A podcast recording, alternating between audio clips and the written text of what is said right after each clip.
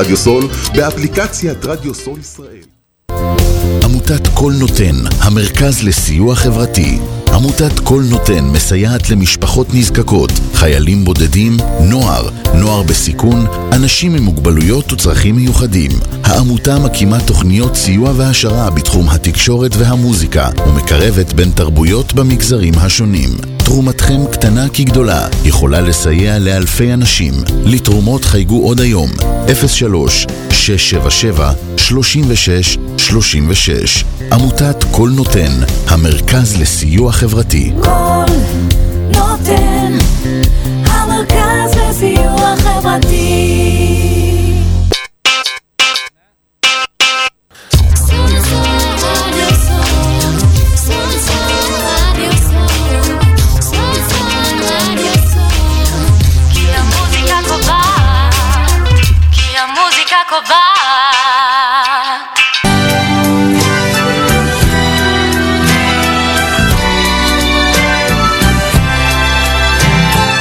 אתם מאזינים לתוכנית מפגשים מחוץ לקופסה, בהגשת דוקטור חיננית לויפר פלד.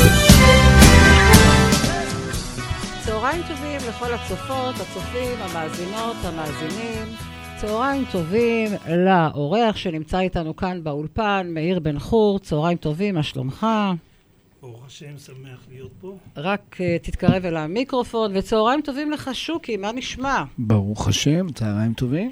צהריים מעולים. אנחנו היום עם uh, תוכנית uh, שתיועד כמובן uh, לנושא של uh, יום השואה והגבורה. Uh, אנחנו היום uh, בערב uh, ייפתחו כל העצרות והטקסים uh, לרגל יום השואה והגבורה. והתוכנית שלנו היום תוקדש בעצם לכל הנושא של uh, יום השואה, ליום העצוב uh, ביותר שיש uh, לנו כעם היהודי. אה, איתנו באולפן, כמו שהצגתי, אה, נמצא מאיר אה, בן חור, שחיבר ספר, שאנחנו תכף נשמע גם מה שם הספר ואודות הספר. ויש איתנו אורח טלפוני, עזרא ינוב, שכבר נמצא איתנו על הקו. עזרא ינוב חיבר את הספר ילד קטן, מלחמה גדולה, ובעצם עזרא הוא שורד שואה. צהריים טובים לך. צהריים טובים. מה שלומך? בסדר גמור. אני ממש אה, נרגשת אה, לשמוע אותך ולשוחח עמך. ואתה בעצם אה, רוצה לספר לנו ככה בנקודות מאוד מאוד ממוקדות אודות הסיפור המאוד מאוד מיוחד והמרגש, שבעצם סובב סביב הספר שאתה חיברת, ילד קטן, מלחמה גדולה, שמספר בעצם סיפור יוצא דופן של האימא האמיצה שעברה עם ילדיה הקטנים, ואני לא ארחיב בדיבור ואני אתן לך את זכות הדיבור, ואני רק אומר גם לצופים וגם למאזינים שלנו שהשיחה איתך מתקיימת ככה כראיון טלפוני כדי להקל עליך. ופה איתי באולפן נמצא סופר ששמו מאיר בן חור, שגם הוא ייקח חלק איתנו בעצם בשידור. אז בבקשה, מר עזרא, אתה מוזמן לספר לנו את הסיפור. כן. קודם כל, הייתי ילד קטן, וגדלתי כשאני שם לעצמי מטרות. והמטרה המאוחרת יחסית הייתה החובה להגיע לפלסטינה, דהיינו מדינת ישראל, שעוד לא קמה. אני יליד 1935, הילד הרביעי במשפחת ינקוביץ', כשאבא כבר אחרי שהוא אה, הוליד והפך לאבא לשלושה, לבת ושני בנים, אני התחלתי להיות בהיריון אצל אימא, ואני אה, מתחיל את חיי בשכונת עוני אה, במדינת אה, רומניה, בעיר פלוישט, שהייתה עיר הנפט הגדולה של אירופה כולה. ושומעים אותי, נכון? בהחלט, בהחלט. יופי. אה, ושל אירופה, והגרמנים שידעו לעשות הסכם עם, עם רומניה, שלבל תיכנס למלחמה, אלא תהיה שותפה איתם, היא, הם הבינו היטב יותר מכולם מה פירושה של העיר פלוישט, עיר הנפט של אירופה. ואני באתי לעולם ב-28 ביולי 1935, ואפילו הרופא שהגיע לאותה שכונת עוני כדבר חריג במיוחד, כשאימא בבית בחדרון קטן, כי זה מה שיכלה לשלם, מאחר ונותרה יחידה, לקחו את אבא שלא ראה אותי בלידתי ומאוחר אחר כך מספר שנים, לקחו את אבא לכפייה. אחר שגמר שלוש שנות שירות צבאי, אב לילדים, עבר גם עד סוף המלחמה ברומניה, 1944, עבר את כל תלאות הצבא והכפייה. זאת אומרת, הוא היה אחד מאלפי החיילים שהפכו ליהודים נרדפים, שהם צריכים לבצע עבודות כפייה ביוזמת הגרמנים והרומנים גם יחד. ואני גדלתי בתוך העוני, שבגיל, אני מניח בגיל שנתיים, כבר הייתי אחד משלושת אה, האחים, האח הגדול והאח הבינוני והעני, כולנו שמות צרפתים, כי זה היה החינוך שלנו. היינו הולכים לעיר הסמוכה, ואנחנו אוספים כל דבר שניתן להכניס לפה ולאכול. כי אימא נותרה בבת אחת, לאחר כל תקופת היעדר אבי במלחמה, פתאום הייתה אחת שצריכה לחפש פרוסת לחם או אה, מלפפון או כל דבר שניתן לשים בפה, ואז שלושתנו, הבנים, כשאני בן שנתיים, שלוש, יוצא לשווקים ומוצאים כל מיני שיטות איך להתגנב מתחת לדוכנים שבורים וקרועים כדי להוציא משם מלפפון שבור, עגבנייה, חסה או כל דבר שגדל בשדות הכפרים הערבים מסביב לעיר הנפט. האם הייתם רק אתם האחים, או שהיו עוד ילדים, אה, עוד ילדים שנמצאו באותה סיטואציה? אז קודם כל, עיר שלי, אנחנו היינו בשכונת העוני, הסמוך לתחנת הרכבת הגדולה באזור הדרום של פרויקט רומניה. שם היה הנפט, ממש שדות של, של נפט, של, של uh, כל מיני מג... uh, צינורות ועמודים ושאיבת הנפט השחור למיכלים גדולים של בתי זיקוק, שהם למעשה סיפקו ברכבות את הזהב השחור הזה לגרמנים ש... שניצלו והפכו את החומר המזוקק למטוסים החדשים של אותה תקופה של גרמניה, וגם לכל דבר שהבדיל בין הצבאות של אירופה, אה, שהם עדיין היו אה, במצב של אה, מלחמות מלחמת העולם הראשונה, מלחמות שלפני כן, באו המטוסים החדישים, הרכבות והמשאיות, ויצרו את גרמניה שכובשת את אירופה במהירות של ימים, של שבועות.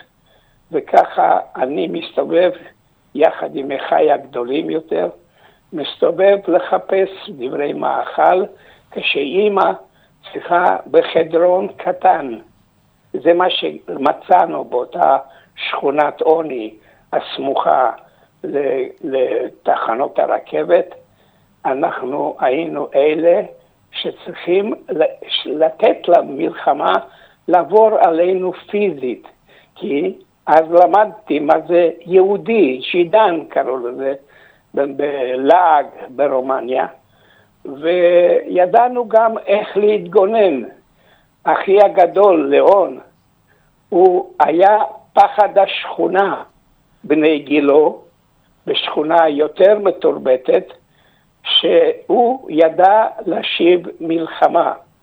ואני דווקא, ארבע שנים קטן ממנו, למדתי ממנו כיצד שנינו ביחד, כשהוא תוקף מהחזית, מקדימה, באגרופיו, אני קופץ מאחורה, תופס את שערות ראשיהם של התוקפים והופך אותם לנמלטים ומבוהלים. זה מצטייר מול עיניי מאז ועד עתה. אמנם היום בגיל של 88 כמעט. שתהיה בריא, מסתכל... קודם כל, אריכות ימים. תודה רבה. אה, אני נזכר, אפילו לצורך המפגש הזה בינינו, אני נזכר שבעצם עברו עליי מה ששאפתי לתקומת מדינת ישראל. אני לחמתי בחמש מתוך שש מלחמות התקומה של מדינתנו. הייתי בסיני, הייתי במצרים, הייתי בנגב והייתי כמובן גם בגליל, בגליל או יותר נכון בלבנון. אני מלחמת... רוצה רגע לעצור ברשותך ולקחת אותך דווקא ככה קצת אחורה אה, לסיפור, כי אני יודעת שיש איזשהו חלק מאוד אה, מעניין שהסתירו אותך עם עוד אה, 500 אה, יתומים בבוקרסט. כן. אה, ורק בסוף אה, שנת 1947 אה, יצאתם מבוקרסט ברכבת שנקראה רכבת 500 היתומים היהודים. וחציתם נכון. את כל אירופה. אני רוצה שככה אירופה. תספר לנו קצת, כן, כן, באמת כן. חוויות, ודרך העיניים אני... שלך כנער, לשמוע ככה באמת חוויות, כי, כי רק לנסות ולתאר את הסיטואציה הזו, אה, זה מעביר אה, בכולנו, בכל מי ששומע ו- וצופה, אה, רטט של, של רגש ותמהיל של רגשות נוספים. אז אני אשמח אם תוכל ככה להעיר. כן. אה, כן. את... תודה. אני אגיד, אגיד בכל אופן, כי זה חשוב לי, זה היה חלק מרכזי מחיי באותה תקופה. אה, כל אחד מאיתנו, משלושת הבנים, וגם אחותי הגדולה, רנה, אנחנו נפגענו פיזית. אנחנו נפצענו במלחמה של מלחמת עולם השנייה, כשאנחנו כבר יודעים ומבינים, ואני לומד מאחיי ומאמי המשכילה, שידעה שש שפות מלבד יידיש, ואחר כך בסוף בישראל עברית. אנחנו למדנו שעלינו להגיע ל- לישראל. המלח... זאת המדינה שלנו, בשביל זה אנחנו מוכנים לסבול כל מה שסבלנו. אז אחי הגדול נפצע קשה במלחמה, במלחמת יום הכיפורים בעזה. אני נפגעתי בגיל שבע, שמונה, לא, תשע אפילו, כשאני נוסע ברכבת יחד עם אימא, אחותי ואחי הביניים. כי האח הגדול הוא כבר היה חשוד, מואשם כיהודי ציוני, והוא נרדף גם בתקופת הרומאים וגם אחר כך בתקופת הכיבוש הרוסי. ואז ידענו שעלינו להגיע לישראל. הייתה רק דרך אחת להגיע. הש... השנה היא שנת מלחמה קשה ברומניה, כשהרוסים מתקרבים, כשאבא במחנה כפייה, כשאימא היא מנסה להשיג עדיין פרוסת לחם וכל דבר, היא הלכה לעבוד בכל עבודה אפשרית. היא הייתה משרתת של קצינים אה, גרמנים, אחר כך היא גם התקדמה ועזרה כל דבר שיכלה להציל אותנו. היא נפגעה מכל- מכל סכנה שהייתה. ו- ולכן אותנו- זה כל כך ברור אה, איך הספר ומדוע הוא נכתב על אה, אישה כל כך אה, מדהימה.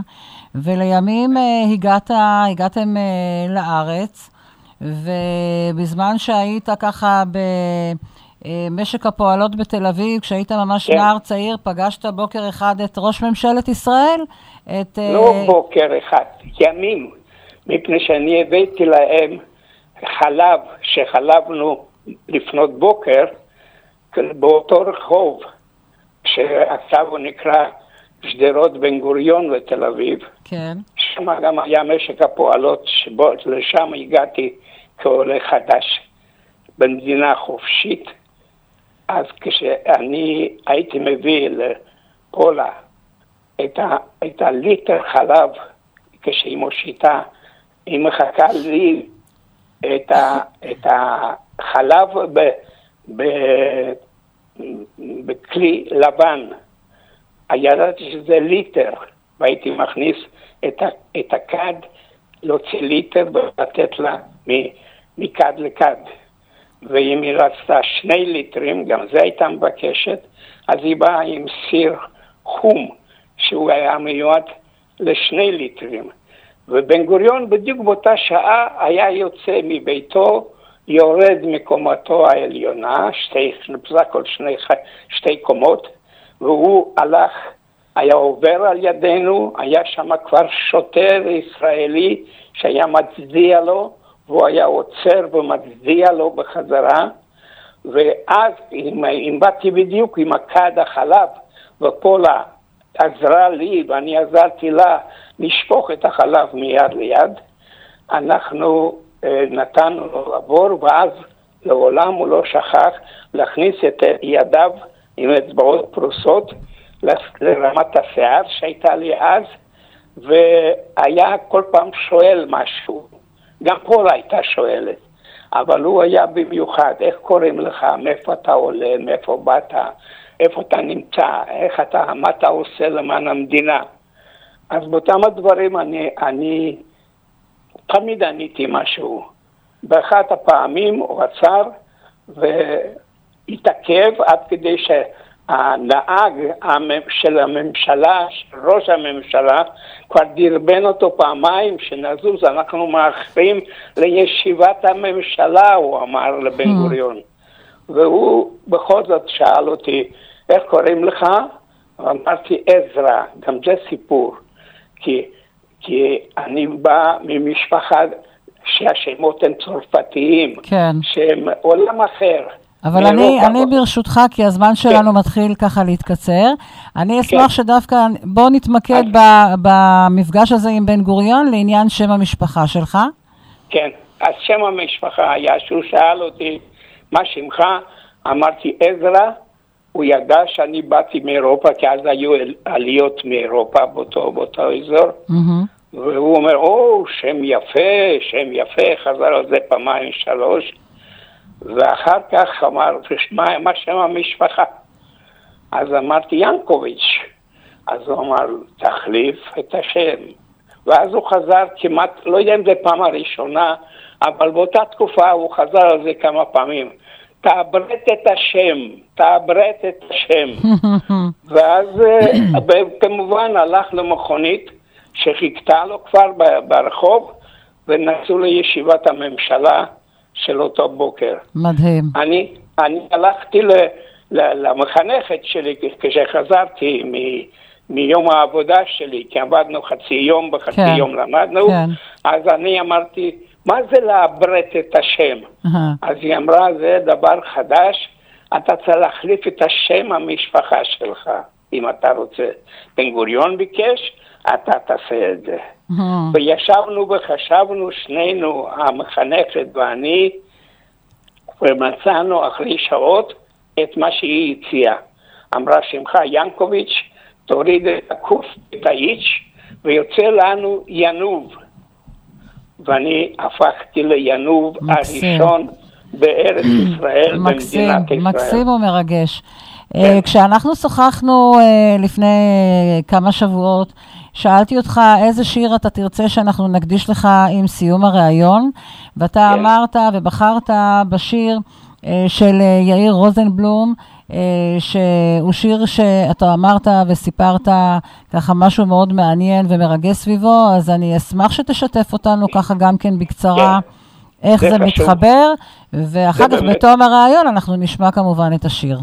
כן, זה באמת מעניין, כי אנחנו משפחה שהתפזרנו לחלוטין. היה לנו מצבים שלמעשה רק אימא נשארה פעם אחת איתי, ופעם אחרת עם אחי, האח הביניים שלי. והוא לקח את הבת, את אחותה, את אחותי הגדולה, ובלילה בעוצר אה, אה, לקחה אותה לעבור מצד אחד של העיר המופצצת לעיר, לחלק השני, כי היא הייתה כל כך יפה, אני מצטער, אבל זאת באמת לאמיתה, היא הייתה כל כך יפה, שבזמן שאנחנו רצים עם פצצות מעל הראש, היא, הגברים שעברו לידה, שכחו שאנחנו מופצצים, והיה מתעכב להסתכל על יופייה של, של אחותנו. ואז אה, אה, אימא פחדה, היא אמרה, אני משאירה אתכם ילדים עם האח הגדול, ואני לוקחת את רנה לסבתא, שהתגוררה בחלק האחר של העיר, החלק העשיר יותר, ואני מביאה אותה שמה, כי שם היא תהיה בטוחה. אז זה... כן, וכמובן, אה, אחרי. היא נשר... היא, הבת, האחות שלי, הגדולה, אה, אה, פצצה חסמה, התפוצצה על כל מקום המקלט של מרכז העיר, ולמעשה שערותיה נשרפו, פניה, רגליה. עכשיו, עכשיו... איך זה מתחבר אה, לשיר? אני רוצה שככה נתמקד ברשותך, את צודקת. כי אני רוצה מיד גם לעבור לאורח הנוסף שיש לי פה באולפן. אני כבר, כן. אני כבר מכחיש את דבריי. תודה. אנחנו הגענו ארצה כאמור, כל אחד בנפרד, כל כן. אחד. רק אימא ואבא הופיעו ביחד.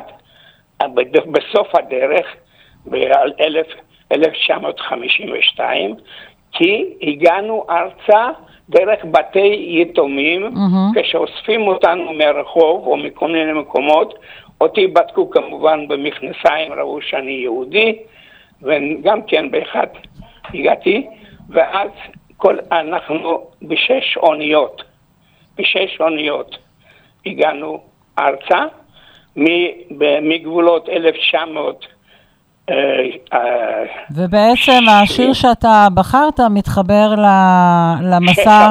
ולהפלגה ובאונייה. אני כן. אה, רוצה ממש ממש, אני, אני חייבת ממש ככה לקצר. אני רוצה מאוד מאוד מאוד להודות לך. ובאמת, לא רק בשמי, בשם כל הצופים והצופות והמאזינים והמאזינות שלנו, ואני בטוחה שבשמם של כל תושבי המדינה, על הרוח, על האומץ, על העוז, על הגבורה שלך ושל כל בני המשפחה, ועל כך שעליתם לארץ וחוויתם את כל החוויות ועל אף כל הקשיים, הקמתם פה כולכם ביחד אה, את המדינה שלנו. אני רוצה באמת לאחל לך בריאות טובה ואריכות ימים, ואני ממש ממש מודה לך על זה שהארת באות א' מן הסתם, אה, ונתת לנו ככה, אומנם בפרק זמן קצר, אבל באמת להרגיש ולחוש קצת ממה שעבר עליך כילד וכנער ובן לאימא כזו מופלאה. אני רוצה מאוד מאוד להודות לך, ושיהיה לך באמת רק המשך של חיים טובים לצד כל בני המשפחה היקרים, ואנחנו כמובן מקדישים לך את השיר שאתה בחרת. תודה רבה לך, כל טוב. תודה, תודה. תודה. מאוד מודה. תודה. תודה לך. לך אנחנו. מודים, תודה רבה לך. בבקשה.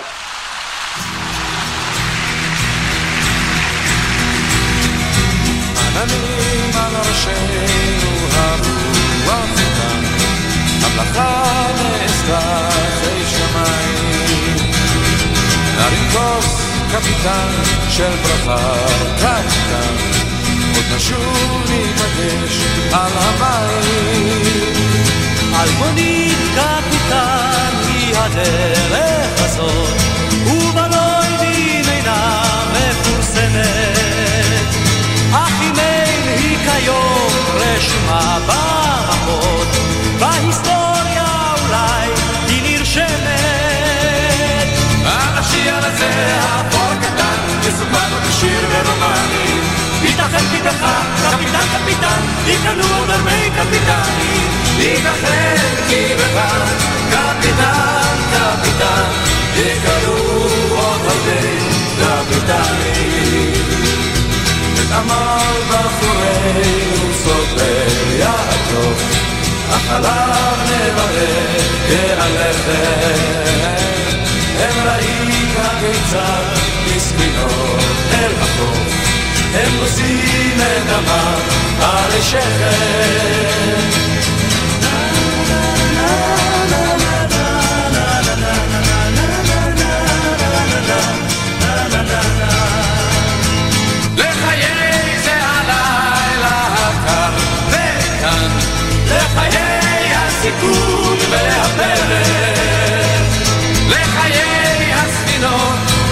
הקטנות קטן לחיי הספינות שבדרך לחיי בחורים שקיבלו עדיפות ובאופן קיבלו את השיט למועד הנכון, למקום היעוד עם עצמנו מפה ולצייד לחיי בחורים שקיבלו עדיפות ובאופן קיבלו את השיט עננים על ראשינו הרוח המלאכה נעשה חי שמיים.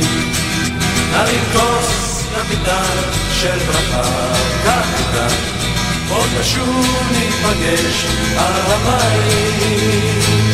יום יבוא ואתה בזווית של אמונה, כששר על בקבוק של קיאנקי, ותחייך לדירת חתיכה של טבק, ותאמר כן חבריה, זקנתי. אז אני רוצה שוב uh, להודות uh, לאורח uh, שהתארח אצלנו uh, בראיון הטלפוני לעזרא ינוב, ואני מאחלת בריאות טובה ואריכות ימים. ולצידי יושב יפה יפה והקשיב בקשב רב ובהתרגשות uh, uh, לשמוע את הסיפור המרגש של שורד השואה עזרא. ומאיר אה, אה, נמצא איתי כאן אה, באולפן, יחד עם אה, שוקי. אה, ומאיר, כאמור, חיבר את הספר אה, לפני שבר אה, יגבע לב איש, ושזה כמובן חלק מתוך ציטוט מספר משלי. והשאלה המתבקשת, למה ספר? ולמה לכתוב, לפני שאנחנו בכלל יודעים מי כבודו ומה עושה בחי... בחייו? בכבוד. אני, אני אשמח להתחיל דווקא בחלק הראשון של השאלה שלך. בשמחה רבה. אה, אני שמחתי לשמוע את אה, עזרא יניב, ינוב. ינוב, ולצערי אין הרבה אנשים שיכולים לספר מעדות ראשונה את מה שקרה להם בזמן המלחמה.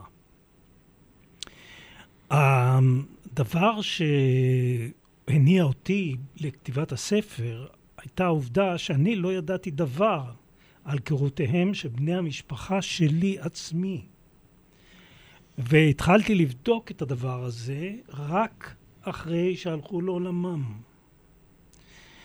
ולצערי זה הולך להיות אה, זה כרגע וימשיך ויגדל, יהיה מצבם של אחרים שירצו, יבקשו לדעת, לדעת את שורשיהם בעתיד, אה, אם הם לא שמעו את סיפורי קרוביהם ואהוביהם בזמן שהם היו בחיים.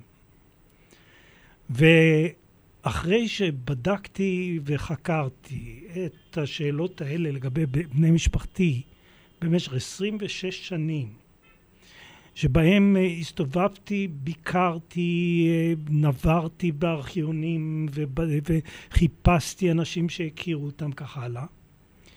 גיליתי עולם מדהים, מדהים מבחינת תוכנו של הדברים שהאנשים האלה עברו בחייהם.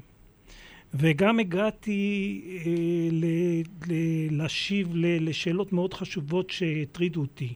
למה הם לא סיפרו בזמן, בחייהם, את סיפורם? וכשגיליתי את הסיפור, הבנתי אותם.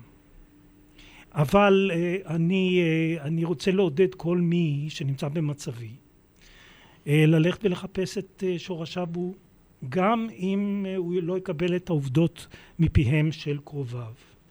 זאת הייתה הסיבה שכתבתי את הספר. הספר נקרא לפני שבר יקבע לב איש כי בחרתי בתשובה שנתן האב, אחד הדמויות בספרי, לביתו, ששאלה אותו, כמו בכל חג, אה, שאלה רלוונטית לגבי אותו חג. והחג שהיא שאלה לגביו, וזה היה ב-1939, ממש בתחילתה של מלחמת העולם השנייה, היא שאלה אותו מדוע איש רשע כמו המן, איך יכול איש כזה להגיע לתפקיד כל כך בכיר אה, בממשלתו? והאב במקום לענות לשאלה הזאת ענה לה באותו חלק של הציטוט. לפני שבר יגבה לב איש, שפירושו שאנשים שליבם גבוה יגיע גם שברם. וזה היה מוסר ההשכל של סיפור המן. אלא שבדיעבד, בזמן שהוא נתן לה את התשובה הזאת, עלה היטלר לשלטון. וארבע שנים אחר, אחר כך כל אחד מבני המשפחה הזאת היה סבל מנחת זרועו. ואת סיפורם אני מספר על רקע אותה תשובה שנתן האב לביתו הקטנה בזמנו. יש גם חלק אחר לפתגם הזה, גם את זה הוא הנחיל להם, והחלק האחר הוא שלפני כבוד ענווה. כלומר, הוא ציווה עליהם לחיות את חייהם בענווה. וכך ישיגו את כבודם, וכך הם עשו, וזה אחרית הסיפור שבספרי. מה, איך הם ניהלו את חייהם אחרי המלחמה? מה קרה להם בזמן המלחמה? ואיך הם ניהלו את חייהם אחרי המלחמה כשהם כולם עלו לארץ, כל אחד בדרכו, כמו בסיפורו של עזרא ינוב, כל אחד לבדו שרד את המלחמה הזאת בדרכו.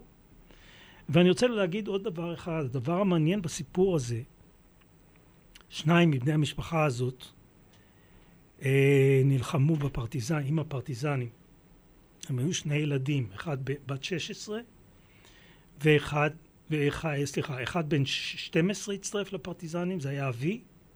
אחיו הגדול בן 18 הצטרף לפרטיזנים, ואחותם בת ה-16 נתפסה בפעילות נגד הממשלה נגד המלך ביוגוסלביה שחתם הסכם עם היטלר המטרה הייתה להפיל אותו והם הצליחו בכך ובכך גם היא עשתה את אה, מעשיה כדי להתמודד עם המציאות ולא לשבת בצידי הדרך ולקוות שיהיה טוב. בסופו של דבר שלושתם ניצלו. סבי ניצל מסיבה אחרת, הוא אה, נתפס, אה, היה שבוי מלחמה כי הוא נלחם נגד אה, הנאצים יחד עם הצבא שהיה בהתחלה הצבא המלכותי של יוגוסלביה ואחר כך היה הצבא אה, של יוגוסלביה בלי המילה מלכותי. הוא נתפס וישב במחנה של קצינים, מחנה שבויים של קצינים. לפי אמנת ג'נבה לא היה צריך להיענש על כך שהוא יהודי, וכך הוא שרד את המלחמה. אז כשמסתכלים על הניתויים הסטיסיים אז שמונה, שמונה מתוך עשרה שלא עשו דבר, שקיוו שהזמנים ישתנו ומצבם אה, יהיה טוב, אה, לא שרד את המלחמה הזאת. ובמקרה שהאנשים לקחו את גורלם בידם ויצאו ועשו דברים, שבעה מתוך עשרה ניצלו. וזה סיפורם של אלה שהגיעו לארץ בסופו של דבר, ואני חושב שזה סיפור שמשותף לסיפורים אחרים של מי שניצל, אה, אחרים, רבים אחרים, וחשוב גם להכיר בזה. אה, המציאות באירופה השתנתה במהירות כזאת שלא היה אפשר אה, להימלט כל כך בקלות, או בכלל, ובמציאות הזאת הייתה, היו שתי אפשרויות. לשבת ולחכות או לעשות מעשה. אז ספרי הוא ספר שמדובר בו על עשייה, ש, שהושלמה בארץ, כל אחד מהם עשה דברים גדולים והגיע, אחת הייתה נשיאת בני ברית והשני היה... גם אימא שלי, זכרה לברכה, הייתה נשיאת בני ברית. יפה. בכלל, יש המון דברים שאתה מספר כרגע, שמאוד מאוד uh, קשורים ומזכירים לי אודות המשפחה מהצד. ואני מניח שישנם סיפורים, בדוק. אנשים, סיפורם של אנשים רבים יהיה דומה. ממש. כי אנחנו מכירים את השורדים, אנחנו ניצולים, אנחנו שרידים של השורדים. והשורדים שרדו בדרכים כאלה ואחרות, אבל את סיפורם אה, אנחנו חייבים לספר. אבל אני הסטתי אותך, דיברת, אמרת על אמך, אה, נשיאת בני ברית. לא אמי, דודתי. דודתך, סליחה, מתנצלת. ואבי היה אה, קצין בכיר במשטרת ישראל, הוא בא לעשות צדק אה, אחרי שהוא בילדותו חווה את חוסר הצדק המשווע בחלק של יוגוסלביה, זה כל הסיפור מתרחש ביוגוסלביה, שנקרא ווג'וודינה, שהיה נשלט על ידי הז'נדרמריות ההונגריות. אז שם הוא ראה אנשים אה, נרצחים ברחובות, אה, שם הוא ראה חוסר צדק, והוא בא לארץ ועשה את, את, את, עבודתו כדי לשנות, לתקן את העולם. ודודי הבכיר, הבכור ביניהם, שהגיע לארץ ולא חי הרבה שנים אחר כך, אה, הגיע לארץ והיה בין המקימים של קיבוץ פרוד, שנקרא בזמנו גורדוש. הוא הגיע לארץ ב-1946 אה, והוגלה לקפריסין והיה שם במשך אה, שנה עד שהוא חזר אה, ב-1947 כשהוא קיבל סרטיפיקט והלך להקים יישובים והלך להקים התיישבות בארץ. אז הסיפור היה כל כך חשוב שאנשים ביקשו ממני לפרסם אותו. וזאת הייתה הסיבה שישבתי וכתבתי את הספר הזה. שזה פשוט אה, מרתק. כי בעצם אה, גם אתה איש של עשייה, ותכף אנחנו נשמח ככה לשמוע מאיזה כיוון אתה מגיע. ואתה, אה, מהמקום הזה של העשייה, קמת ועשית סוג של אה, למען עצמך, אבל לבסוף בחרת שאתה הולך, וכמו שאמרת גם בפתיח של דבריך, שזה לא רק למענך ולמען משפחתך בכל uh, מעגליה, אלא גם uh, למען uh, אחרים. זאת אומרת, uh, זה הזמן שלכם כרגע לקום ולשמוע ולכתוב ולהקליט ולראיין ולעשות כל פעולה. זאת אומרת, לגשת uh, למקום שהוא באמת פרקטי כדי לשמר את הסיפורים האלה. כי שורדי השואה, הולכים, ו, ומה לעשות? אה, מפאת גילם או מצב כזה או אחר, הם אה, לא שורדים אה, ולא יכולים גם לחיות לנצח כמובן, והם הולכים ומתמעטים. ובשנים האחרונות החל מה שנקרא זיכרון בסלון, שזה מיזם שבעיניי הוא ממש מדהים ומרתק, ואני חושבת שמה שאתה עשית כאן זה איזשהו סוג של זיכרון להמון חדרי סלון, מה שנקרא, כדי שיקחו באמת איזושהי okay. דוגמה. אני רוצה לשתף את המאזינים אה, בהתלבטויות שהיו לי במהלך העבודה שלי. התלבטויות של ישראלי, שהוא דור שני לשואה, אבל לא הכיר, לא ידע את סיפור השואה כסיפור אישי. אה, אני התלבטתי, השאלה הראשונה שלי הייתה, מדוע הם לא סיפרו? ואם הם לא סיפרו, האם יש לי זכות לחטט בסיפורם? זאת הייתה התלבטות לא קשה, לא קלה. הרי הם רצו שאנחנו לא נדע. למה לא סיפרו? אה, אולי גם אה, לא רצו לכאוב את הכאב, אבל הם לא, לא נפרדו מהכאב מעולם, לעולם. נשאר רק העניין הזה. רצו, שלא, נ... רצו שאנחנו נצמח לתוך עולם שכולו טוב. אני לא חושב שאפשר לצמוח לעולם שכולו טוב ולהעריך את הטוב בעולם מבלי שמביאים מאיפה באנו ובאיזו זכות אנחנו חיים בעולם הזה. השאלה, ההתלבטות השנייה שלי הייתה, אוקיי, ואם מצאתי את מה שמצאתי, האם מותר לי לחלק את הסיפור הזה אפילו עם כל בני משפחתי, שהלא אף אחד מהם לא שמע את הסיפור. וגם על כך כמובן מצאתי תשובה די קלה. השאלה הקשה ביותר הייתה האם לחלק, לחלוק בסיפור הזה גם את הקוראים, בקהל הרחב. וכאן אני הגעתי, הסתובבתי באותם מקומות שבהם מתרחש הסיפור וחוויתי אותם, נפגשתי עם אנשים, שמעתי, ראיתי, וגם ראיתי אזרחים, אה, תיירים ישראלים שמסתובבים גם הם באותם מקומות. וממה הם מתרשמים? ואיפה הסיפור נמצא בתוך החוויה שלהם בביקורים האלה? ומצאתי שהוא כמעט לא נמצא שם. כי מצבות נשארות אילמות.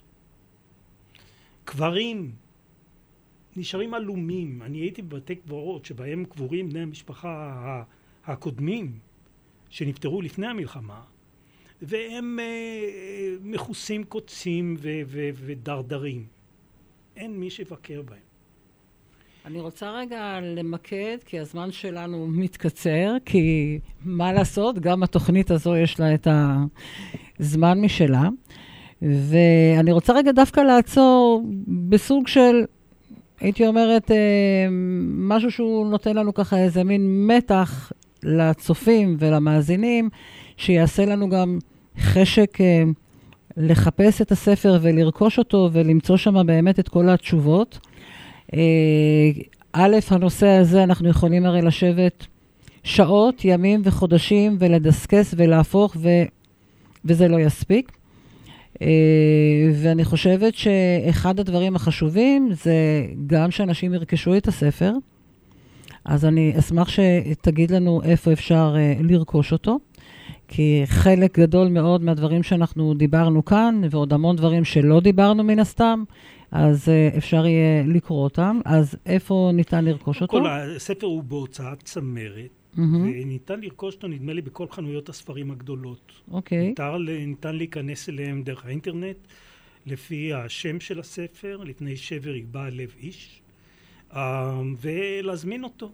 זה אוקיי. לא, אולי זה לא נמצא על, על המדפים תמיד, אבל אפשר תמיד להזמין אותו. אוקיי. Uh, אנחנו ממש uh, עומדים בדקות האחרונות של, ה, של השידור שלנו.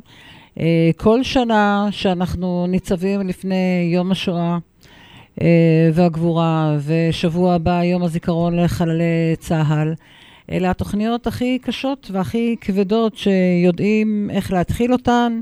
לא תמיד יודעים גם איך לסיים אותן, כי בעצם אין לזה איזשהו אה, סיום ממשי, למעט אה, התקווה שבעצם הנה אנחנו כאן, ואנחנו באמת העדות הניצחת והחשובה ביותר, וכל עוד אנחנו נמצאים כאן חופשיים במדינה שלנו האהובה, אה, ויכולים לספר את הסיפור, אז זו אני אומרת, אה, סוג של uh, סיומת שאפשר כן uh, לסיים. ומעבר לכך, אני רוצה להודות לך, וכל אורח שמגיע אליי לכאן לאולפן, uh, מקבל איזושהי תעודת uh, מזכרת על כך שהגיע אליי uh, לכאן.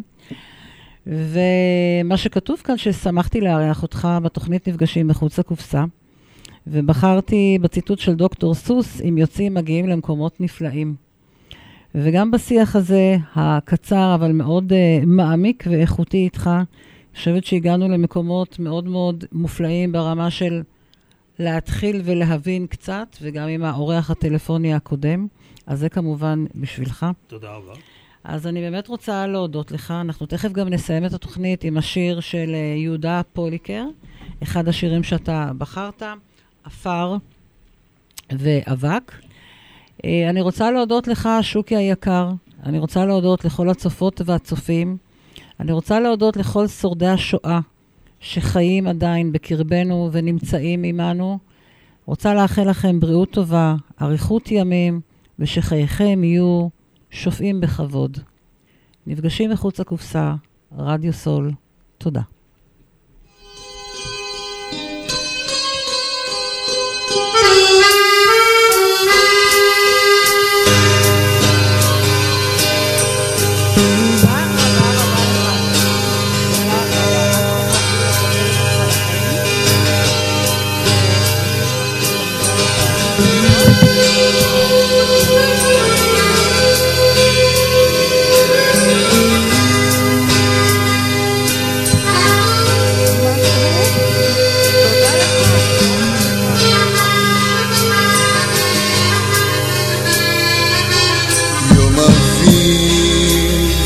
אביב ריחות לילך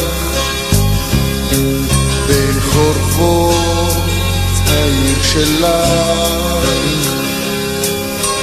יום יפה לדור בנהר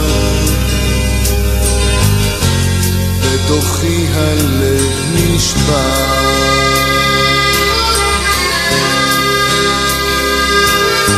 שם הייתה ונע ילדותך אישה קטנה. אנשים שאיש לא מכיר אין אפילו בית שיזכיר. ואם את נוסעת לאן את נוסעת? הנצח הוא רק אפר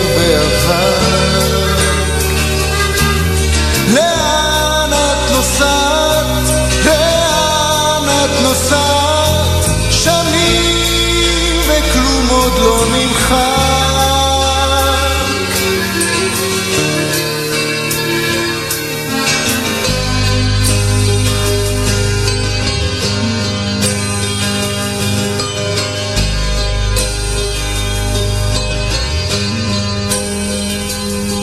קחי מעי, יהיה לך קר, כסף כיס, גביש סוכר. אם יהיו קשים הימים, תיזכרי בי לפעמים. ואם זה עוד מסע נואש אל הצריף, אל המגרש במסילת העיר הישנה איש לא יחכה בתחנה ואם את נוסעת, לאן את נוסעת? הנצח הוא רק אפר ועבר.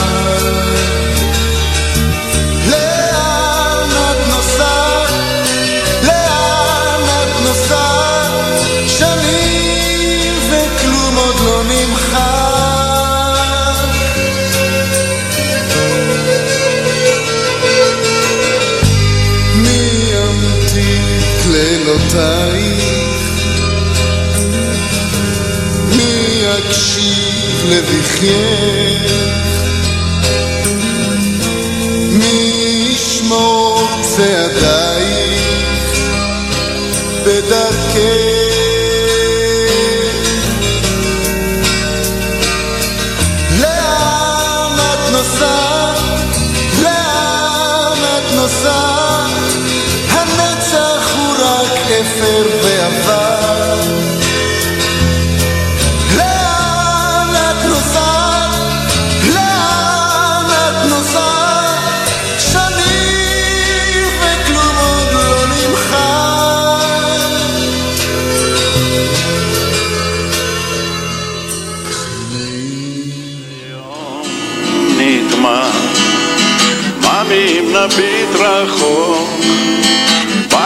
וגן ירוק, יעבור. בית יום, קלוז-אפ, בית קפה בשדרה, אה, אור יום, תמונה, מחכה בגבורה, מראיינת, נכנסת בדלת, הוציאה את הטייפ, אומרת שלום, באתי לשמוע מה יש על הלב, לערבב את הכל, לשים בעיתון. יאללה שנתחיל, אמרתי בבקשה, דבר ראשון, מה איתך? איך ההרגשה? טס ב-F-15 מול משאית של זבל שנרדמת לך רגל בטעות על הדוושה? מה? לשבור את הקרח, יצאתי מטומטם. איך ההרגשה? סבבה, עדיין מעכל, את יודעת, סך הכל בן אדם. מה עם בחורות? לא, יש לי חברה. מה עם מסיבות? לא, יש לי חזרה. הכל התחיל כשכתבתי את השיר על חבר שהלא, זו לא המטרה. מה? טוב חבוב, פשוט סמוך עליי. תוציא את המקל וקפוץ למים. דבר על הקיפוח, על הצל, על השמאל, על ההיא, על ההוא ועל דור הוואי. סמוך עלייך, סמוך עליי, אין לך שום סיבה טובה להיות לחוץ. אתה רוצה תהילה, תשתף פעולה ותן לנו ג'וס, ג'וס, ג'וס, ג'וס, פוס אמרתי לה תודה, המשכתי לנדוד, מותק זה מדבר אכזר, ואת יודעת כבר, אני קאובוי כזה עוד. יום עולה ויום נגמר, אם נביט רחוק, בית חם וגן ירוק, יבוא היום. עוד יום, קיץ חם בעיירה, סחבק, שנות אור מבית חם ומדירה. ונפער בו ואני ממש לא אוהב זריקות מציאות. תראי אני מזל שוק, כלומר הארדקור, כלומר נתעשר או נמות. אז מה אם העולם הזה כזה טיפש? ואם הסטרס הזה עשה ממני חצי כבש ואם ההוא שמדבר איתי שעה עוד לא הבין אני זמר או להקה או שאני נצ'י נצ'י. אם לא ניקח את הקש אני אפתח באש עד ש... ונשבור את המטריקס אני רק אומר אם את רוצה דינר או סני מוכן לשתול את טטניקס כן כן עוד ניקח הכל יהיה לך שיש וואו מטבח גדול. עם כל המזומן של התעשייה לעבר השקיעה ונצחק בקול. ממי תשמרי על הסוסים ורגע תנגבי את הדמעות. יש לי פה אקדח הוא טעון בחרוזים. כלומר וזה עוד יום. עולה ויום נגמר, אם נביט רחוק, בית חם וגן ירוק, יבוא היום.